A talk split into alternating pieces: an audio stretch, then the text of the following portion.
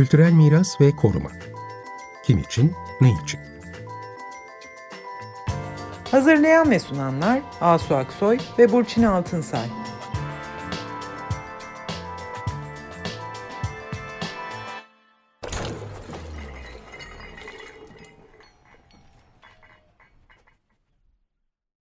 Merhaba, iyi akşamlar. Ben Burçin Altınsay.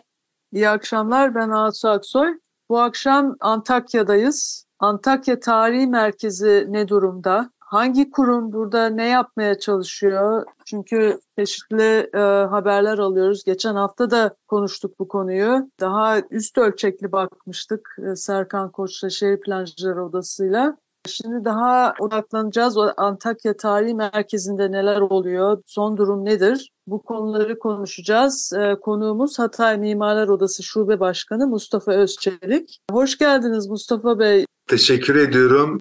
Şimdi sizi geçen gün İTÜ Restorasyon Programı'nın düzenlediği Antakya Kentsel Sit Alanı Koruma Çalıştayı başlıklı e, çok sayıda konuşmacının yer aldığı bir etkinlikte dinledik. Orada siz e, de vardınız ve bir konuşma yaptınız.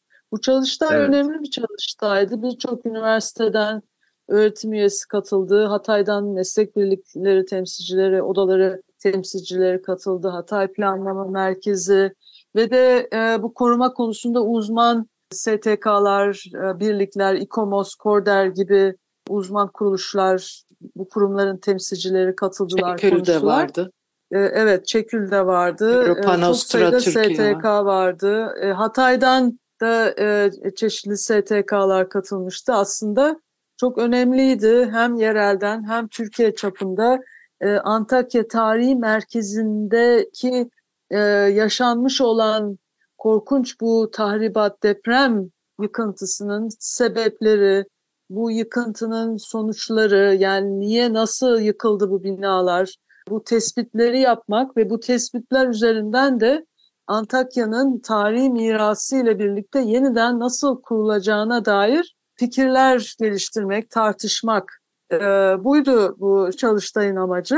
Ve e, işte siz de orada bu Antakya Tarihi Merkezi'nde olanları anlattınız. Biz de e, bu, evet. bu fırsatla sizi yakaladık ve e, şimdi bu akşam e, tekrar böyle bu Antakya kentsel sit alanını konuşacağız sizle. Vakit kalırsa da daha büyük ölçüde geçeceğiz. Evet tekrar hoş geldiniz. Hoş geldiniz e, Mustafa Bey. Hoş e, bulduk. Size, Teşekkür ediyorum. Asu da söyledi. Mimarlar Odası Hatay Şube Başkanısınız. Antakya'da evet. doğmuşsunuz. Antakya'da yaşıyorsunuz evet. Defne'de. Tabii ki depremi de orada geçirdiniz. Tekrar geçmiş olsun diyoruz ama deprem sonrası süreçle de bayağı yoğun ilgileniyorsunuz ve yeni yeni sarsıntılarla da sürekli uğraşıyorsunuz evet. toplumsal anlamda. Antakya'da kentsel sit alanı var.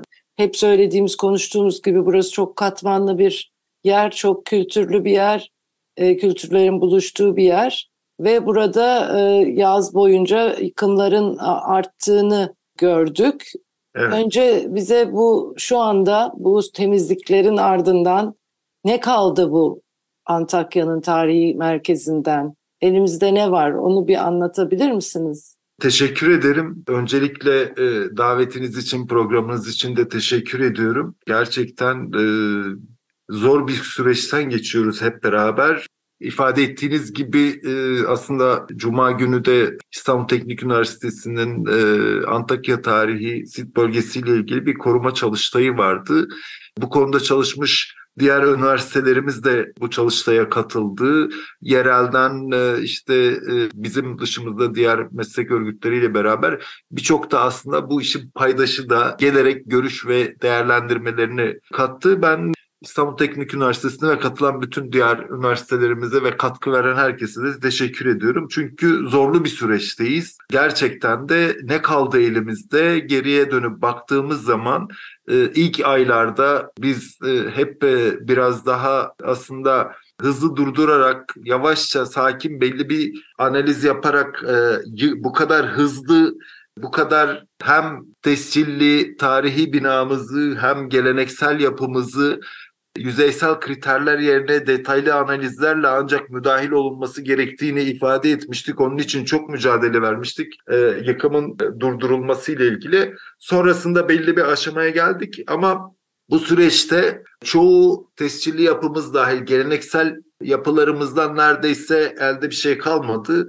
E, tescilli yapılarımızdan da e, yaklaşık e, 100 civarında yapımız. Tescilli olmayan yani koruma altına alınmamış aynı nitelikteki sivil yapılardan kalmadı diyorsunuz öyle değil mi? Evet evet alanda neredeyse kalmadı hocam zaten. Evet. Yani e, ve alanda şu an boşluk var. Başka bir şey yok. Öyle bir boşluk ki birçok aslında bu konuda uzman e, hocamızın da ifade ettiği gibi izlerini bile bulamıyoruz. Yani birçok sokağın izleri bile yok maalesef. Hani onları bile e, yani elinizde artık neredeyse e, belli bir e, şey dijital bir aletiniz falan yoksa nerede ne olduğunu önceden ne yapıldığını falan da tespit etme şansınız bile kalmadı. O denli bir hafıza eğitimine doğru gitmiş durumdayız. E, maalesef ki hani baktığımız zaman bugün e, durumumuz bu. Bundan sonrası ne olacak? Hep beraber konuşacağız, bakacağız. Tescilli varlıklarının sayısı ne civardaydı? Ve siz şu anda Antakya merkezden bahsediyorsunuz. Tabii Evet, evet Antakya merkezden bahsediyorum hocam. Şimdi bizim e, yaklaşık e, 550'yi biraz aşkın civarda bir e, tescilli yapımız var. Ama e, bunların neredeyse iki katı kadar yani bin civarında da geleneksel yapımız vardı. E, evet. Bu tescilli e, yapıların zaten büyük bir bölümü e, yıkılmıştı, doğrudan yıkılmıştı. Sonradan bizim yıktığımızla beraber neredeyse elimizde kalan e, üçte iki falan e, gibi bir şey gittikten sonra üçte biri maalesef yaklaşık olarak elimizde kaldı. Üçte ikisini kaybettik ama geleneksel yapılarımızda bu oran yüzde 85'lerde 90'larda hocam. Tescilli yapı dediğimiz zaman bunların bir kısmı anıtsal nitelikte olan evet. şekil yapılar. Biz şimdi daha evet. çok konutlar, ticaret, e, iş yerleri gibi sivil yapılardan bahsediyoruz. Orada da tescilli evet. olmayanların tamamı gitti diyorsunuz. E, bu evet. da e, Çevre ve Şehircilik Bakanlığı'nın yaptığı hasar durumu tespitlerine en genel haliyle bakılarak yapıldı değil mi bu yıkım? Şimdi yani zaten şey, şöyle az, e, az hasarlılar bile galiba sonunda yıkıldı gibi bir, bir şey oldu değil mi? Evet işte o nasıl? Şimdi zaten e, burada şöyle söyleyeyim yani tescilli yapılarla ilgili yani Kültür ve Turizm Bakanlığımızda oluşturulan e, kazı başkanlığımız e, koruma kuruluyla beraber değerlendirdi ama onun dışında geleneksel yapılarla ilgili dediğiniz gibi Çevre Bakanlığı'nın belirlediği kriterler çerçevesinde çoğu zaten e, ağır hasar almıştı onlar yıkıldı. E, bunlara müdahale edilirken de bunların yıkımında da mesela tescilli yapılarımızdan da hasar alanlar oldu. Onun üzerinden alan çünkü zaten biliyorsunuz çok sorunlu, dar ve e, rahat çalışma imkanı vermiyordu ve hassas bir çalışma yapılmadığı için hatta ve hatta yerinde ayrıştırma da yapıldığından yani e, o yıkımların bile ayrıştırması yerinde yapıldığından birçok alanda e, hafif hasarlı yapı da hasar durumunu büyüterek daha da sorunlu hale geldi zaten. Yani bu konuda tarihi bölgede çok ciddi e, yanlışlar yapıldı ve bu yanlışlar sebebiyle çok fazla e, kamuoyu ve bizler tarafından uyarılar da gitti ama nedense e, hala anlayamadığımız bir hızla nereye yetiştiğimizi anlayamadığımız bir yanlışlar silsilesiyle gidiyoruz. Şu ana evet. kadar da elimizde sadece bu alanın boşluğunu tarif eden e, bir durumla karşı karşıyayız. Video gördüm Burçin geçenlerde işte bu şeyler, bu kazıları toplayan aletler işte Kepçeler. Çelik, çelik demir şeyleri çıkartmaya çalışıyorlar bu yıkıntıların arasından ve bunu yapabilmek için de o taşları böyle üstüne vurarak kırmaya çalışıyorlar o yerinde. Evet. Siz de öyle bir şey anlatıyordunuz. Öyle bir şey evet, gösterdiler. Ben yerinde evet. ayrıştırma dediğimde tam bu, bu galiba, Hanım ve bu zaten inanılmaz bir titreşimle beraber evet. zaten hasarlı durumda olan çevredeki önemli tescilli veya tescilsiz önemli yapılarımıza da daha fazla zarar verdi. Bu, evet. Bütün bu alanın dışında yapılması gereken bir ayrıştırmaydı bu. Fakat o biraz daha maliyet yaratıyor diye bu müteahhitlere bu ayrıcalıklar maalesef ki tanındı. Bu arada bu süreçte biliyoruz ki Antakyalı gönüllüler, mimarlar bu hani sokaklarda sürekli neredeyse evet. nöbetçilik yaparak da engel olmaya çalıştılar ama olmadı. Ve bu evet. bu tavır nedeniyle, bu şekilde bir yıkım nedeniyle de çok önemli bir öğrenme ve sorunları tespit etme fırsatı da kaçırılmış oldu aslında ileriye evet. dönük restorasyonlara bilgi verecek Tabii, dönem e, geçilmiş yani o, oldu. O aslında bu yapılardan e, öğrenme süreci çok kıymetliydi çünkü çok ciddi veriler vardı dediğiniz gibi hocam. Ama bizim o gönüllü arkadaşlarla beraber birçok hocamızın katkısıyla oluşturulan bu platformların baskısıyla Evet ilk başta sonuç alınamamıştı ama e, sonrasında Bilim Danışma Kurulu'ndaki hocalarımızın da oradaki e, kurul üyelerinin de katkısıyla bakanlık en sonunda ikna edilerek Bilim Danışma Kurulu'ndan ve yerelden bir ekibin oluşmasına onay verdi ve o çalışmayla beraber bu yıkımlar durdu aslına bakarsanız. Şu an artık e, tescilli yapılarla ilgili e, değerlendirmeler e, bitti. O kaldırılanlar kaldırdı ayrıştırma alanında. Geriye kalan şu an oradaki geleneksel yapılarda temizlik yavaş e, yavaş devam ediyor ve e, Aslan'ın bahsettiği onlarda aslında o yerinde ayrıştırma dediğimiz şey o demirin yerinde ayrıştırılması meselesiydi. E, maalesef ama o e, geriye kalan oradaki çok az sayıda yapıya da zarar veriyor maalesef. Hı hı. Şimdi bir programı ilan etti bakanlık. Yani bu az sayıda ayakta kalabilmiş tescilli yapılara yönelik bunların yeniden yapılması ya restore edilmesi ya da rekonstrüksiyonun yapılması için bir hibe e, ilan etti.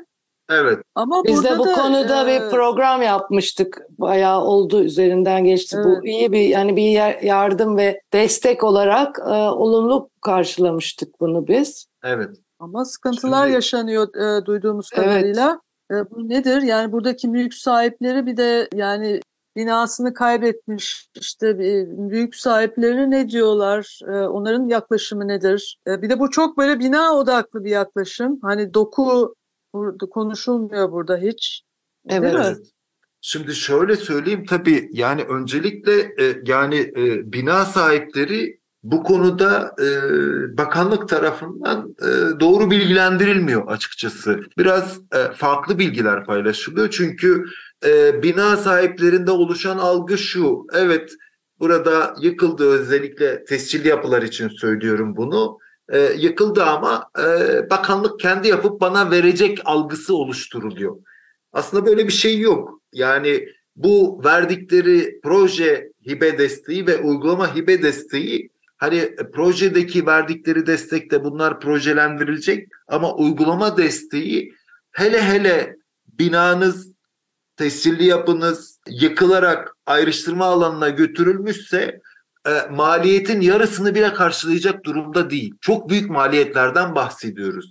Yani dolayısıyla e, şu an buradaki e, insanların psikolojisi yavaş yavaş bunu algılayarak sonrasında ne yapacağı yönünde ciddi sıkıntılar barındırıyor.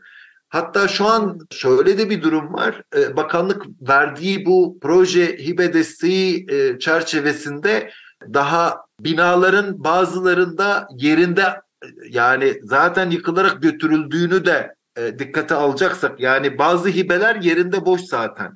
Yani onunla ilgili e, sadece temeli kalan e, çoğu yıkılmış veya belli bir çerçevede devam eden ve yerinde bu ölçümlerin proje hazırlanmasının zorluğunu da dikkate alarak ciddi anlamda sıkıntılar barındırıyor. Fakat Kültür Bakanlığı bu da yapılan çalışmalar çerçevesinde bunu hazırlayan mimar arkadaşlarımıza, meslektaşlarımıza yardımcı olacak, katkı sunacak belli bir program veya yaklaşım göstereceğine e, uzun zamandır neredeyse bir aydır bizim meslektaşlarımızda burada tescilli yapılarla ilgili röle ve restorasyon çalışması yürüten arkadaşlara karşı inanılmaz mal sahiplerini kışkırtarak onları karşı bir tavır geliştirmeye çalışıyor. Biz e, mimarlar odası olarak, meslektaşlarımız olarak, mimarlar olarak neden böyle bir şey yapıldığını bir türlü anlayamıyoruz. Yani bunun sebebi nedir? Ne amaçlamaktadır? Bakanlık bilemiyorum. Yani çünkü e, ısrarla mal sahiplerini birkaç defadır toplayarak e, bizlere müelliflik devrini yapın, bizlere onay verin. Biz kendi e, ihale edip mimarlara yardımcı olacağız, sizin projelerinizi hızlandıracağız diye ısrarla baskı yapıyorlar. Başka Bununla, mimarlara. Evet, başka ihale mimarlara verecek. kendileri ihale verecek. Şimdi şöyle bir şeyse bu kadar e, emek ve çabayı bunun için harcayacaklarına bu işte uğraşan meslektaşlarımıza katkı verseylerdi zaten ona göre şey yapılacak. Ki nitekim bahsedilen de sanki e, şeymiş gecikilmiş gibi e, bir ifade yer alıyor. Zaten ilk e, bir bir buçuk ay ölçü alacak bir pozisyon yoktu. Bazıları yıkıktı, bazıları şeydi. Belirlenen sürelerde de bu arkadaşlarımız projelerini hazırlayarak sunmak istiyorlar. Çünkü buradaki mal sahipleri buradaki insanlara güveniyor, onlara iş veriyor ve onun üzerinden e, bu işleri yürütmelerini kendileri talep ediyor. Ama bakanlık sebebini hala anlayamadığımız bir durumdan kaynaklı mümkün olduğu kadar mal sahiplerine baskı yaparak kendilerine bu yetkiyi devretmesi ve onların belirleyici mimarlara vermesi konusunda ısrarcı. Bunun evet. neden olduğunu bakanlık yetkilerinin kamuoyuyla paylaşması lazım. Bu sadece gecikme meselesiyle ilgili bir şey değil. Yani gecikilen bir durum yok. Belirledikleri zaman diliminde bu arkadaşlar zaten bu çalışmayı yapıyorlar ve onun üzerinden belirlenen tarihlere göre de e, bu e, hazırlıklara devam ediyorlar. Dolayısıyla burada mal sahipleri her yönden sıkıntılı. Proje sürecinde de bakanlığın yarattığı bu manipülatif ortam sebebiyle kafaları karışık. Öteki taraftan da e, belli bir çerçevede uygulamayla ilgili e, bakanlığın sanki her şeyi kendi yapacakmış gibi bir algısı üzerinden de bunun öyle olmadığıyla karşı karşıya kaldıktan sonra da biraz buradan da tedirgin bir durum yaşanıyor. İzninizle Mustafa Bey tekrar ben bir netleyeyim. Şimdi tescilli eski eser sahibi insanlar var, e, mal sahipleri evet. ve onlar da e, yerelde orada daha önceden çalışmış. E, evet. bazı binaların hatta önceki restorasyonlarını yapmış evet, mimarlara, olan, evet, müelliflerine evet. ki kendileri de onlar depremzede evet. orada çalıştıkları evet. işlerini de kaybettiler aslında. Evet. Yani yerelde bu işi yapmak amacıyla bu hibelere başvurdular. Fakat diyorsunuz ki daha sonra özellikle zaman baskısı öne sürülerek hani bu kadar evet. proje yetişmiyor, yetiştirilemiyor diyerek bunları evet. e, toplamak gibi bir tavır içine girilmiş. Bu durumda da evet. mal sahipleri yani binasını restore ettirmek isteyen mal sahipleri de kafaları karışık durumda. Aynen öyle. Bu karışıklığı bakanlık e, açıklamaları ve baskısı sebebiyle oluşuyor. Hı hı. Evet, burada bakanlık evet. Kültür ve Turizm Bakanlığı. Değil mi? Kültür ve Turizm evet. Bakanlığı evet. Bu kadar halbuki acele edilmese bu bir program çerçevesinde zamana yayarak bir takvim yaparak yerel e, Burçin'in de söylediği gibi yerel ofisleri güçlendirmeye yönelik evet onlar da çünkü yerel ofisler yani. Onlar Onları da canlandırır. Elbette. elbette bir de zaten şöyle bir durum var hatırlarsanız. İnsanlar dönsün e, deniyor bir de yani şey insanlar tabii tabii yani burada işte e, Kültür ve Turizm Bakanlığı yetkililerinin bu tavrını anlamak mümkün değil ki hatırlarsanız İstanbul Teknik Üniversitesi'nin çalıştayında birçok hocamız da zaten bu binaların yani yıkım sebepleriyle ilgili çok detaylı e, bilgiler paylaştılar ve yeniden yapım veya mevcudun işte güçlendirilmesi üzerinden birçok aslında kırılganlık olduğunu bu çerçevede belli bir takım bunları daha dirençli hale getirmek için de bazı çalışmalar yapılması, yöntemler geliştirilmesi gerektiğini tartıştılar. Bakanlık ama hiç böyle bir deprem yaşanmamış. Sanki hemen yarın oldukları gibi yapmak doğruymuş gibi bu tartışmaları evet. e, sürdürmeden hızlıca apar topar uygulamaya geçiyor. Yani Projeleri... bu çok çok önemli bir konu. Rekonstrüksiyon bile yapılsa onun nasıl yapılacağını evet. araştırılmış değil henüz bilinmiyor evet. ve onu eski usulle hani bir rekonstrüksiyon, restorasyon projesi üretilsin bir an önce uygulamaya geçilsin gibi bir durum var ki bu hani restorasyon ve koruma işiyle de pek uyuşmayan bir acelecilik maalesef. Bence, burada evet ben de bunu vurgulamak istedim. Dolayısıyla aslında acele etmenin yanlışlığı varken bu konuda meslektaşlarımız da suçlayarak ki gecikilmiş bir durum yok. Belirledikleri takvime göre çalışıyor arkadaşlar. Ama başka türlü bir baskı sebebi var. Onun neden olduğunu kamuoyuyla çok net gerçek sebepleriyle paylaşılması gerekiyor. Bilmek istiyoruz açıkçası. Evet bu konunun açılması gerekiyor. Evet sonraki soruya geçelim Asu. Evet bu arada koruma amaçlı imar planı koruma kurulundan geçti dendi, onaylandı dendi bu aynı alan evet. için Antakya kentsel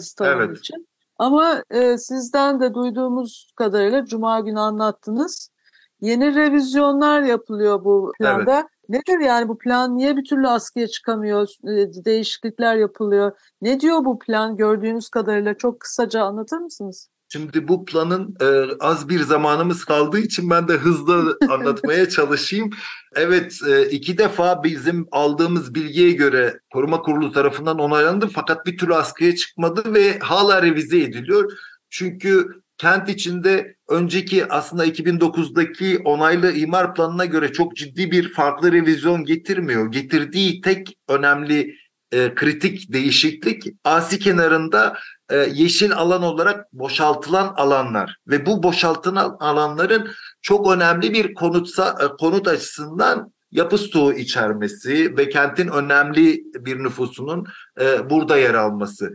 Elbette ki bunları çok tartıştık toplantılarda. E, bu yeşil alana asi kenarının dönmesi bizim ilkesel olarak uygun bulduğumuz, desteklediğimiz bir yaklaşım. Fakat bu konuda ısrarla planla ilgili Kültür ve Turizm Bakanlığımıza bunun uygulama stratejisini oluşturmaları, buradaki insanları nereye götüreceği, haklarını nasıl koruyacağı üzerine bir çözüm önerisi talebimiz oldu ve o çözümün oluşamaması sebebiyle bu plan devamlı revize ediliyor ve bir türlü askıya çıkacak duruma gelmiyor. Neden gelmiyor? Çünkü şöyle düşünün bir plan askıya çıktı ve kapsadığı alandaki herkes itiraz etti. Bu plan otomatik olarak çöker. Sadece böyle bir resim olarak kalır. İnsanları ikna edebilecek, onun uygulanabilirliğini ortaya koyacak bir strateji geliştirilmesi gerektiğini ifade ettik toplantılarda. Biz o konuda da her tür katkıyı vermeye hazırız. Bunu da toplantılarda da aktarmaya çalıştık. Burada daha nitelikli e, sorunları azaltılmış bir Antakya ve Hatay istiyorsak bu konuda hep beraber e, çözümü sosyal, ekonomik, psikolojik boyutlarıyla da e, sadece plan boyutuyla değil değerlendirerek çözümlerini e, uygulanma stratejisini oluşturarak ancak uygulayabiliriz. E, bu konuda yapılması gereken bu e, buna çözüm getirilmedikten sonra bu planın askıya çıkarılması e, uygulanabilirliğini neredeyse e, imkansız hale getirecek diye düşünüyorum. Evet ve size şeyi de soracaktık. E, tarihi dokuya nasıl yaklaşıyor bu plan? Yani bir müze kente dönüştürme eğilimi var mı? Görebiliyor musunuz bu planda? Onu da çok kısaca bir ama diyorsunuz ki siz zaten daha oraya gelene kadar planın uygulanması mümkün olmayacak diyorsunuz değil mi? Evet şimdi dediğiniz e, risk e, aslında planın içinde direkt yok. E, çünkü genelde dediğim gibi 2009'un genel yaklaşımı içinde onun dışında çok ciddi bir farklı önerme getirmiyor. Ama evet genelde planda böyle bir pozisyon olmamasına rağmen alanda bazı yerlerin e, pilot olarak e, böyle bir kazı denemesi yapıldığına dair veriler de geliyor bize. Yani plan dışı hmm. bir takım süreçlerin de yürüdüğüne dair bize gelen bilgiler var. Bazı yerlerde böyle belli bir takım e, deneme kazıları yapıldığına dair bir şey e, çıkıp çıkmayacağı üzerine e, muhtemelen bunu hep e, açık müze e, yaklaşımını genelde bakanlığımızın turizm amaçlı çok daha önemliymiş gibi görmesi üzerine değerlendiriyoruz. Ama başından beri ben çok uzun zamandır şunu söyledim. Bu kent yaşayan bir kent ve oradaki insanların oraya verdiği kültürle değerli bir kent, bir müze olarak değerinden öte yaşayan bir kent olarak daha e, kıymetlidir, değerlidir ve buradaki bütün insanların talebi önceki haliyle önceki ruhunu yaşatabilecek şekliyle aynı nüfusla, aynı kültürle, aynı demografik yapıyla bu yaşamın orada tekrar sürmesini sağlayacak yaklaşımı ortaya koymaktır. Bunu eğer hedeflemiyorsak onun dışındaki her şey buraya yarardan çok zarar verecektir diye düşünüyorum. Çok teşekkürler. bir şey var mı Mustafa Ben teşekkür Bey? ediyorum. Yok e, tekrar davet ettiğiniz için, emekleriniz için e, Asu Hanım size de, Burçin Hocam size de çok teşekkür ediyorum. Emeklerinize sağlık, kolaylıklar diliyorum. Biz de gelip anlattığınız İyi için akşamlar. teşekkür ederiz. Hoşçakalın. İyi akşamlar. Teşekkür ederim. İyi akşamlar.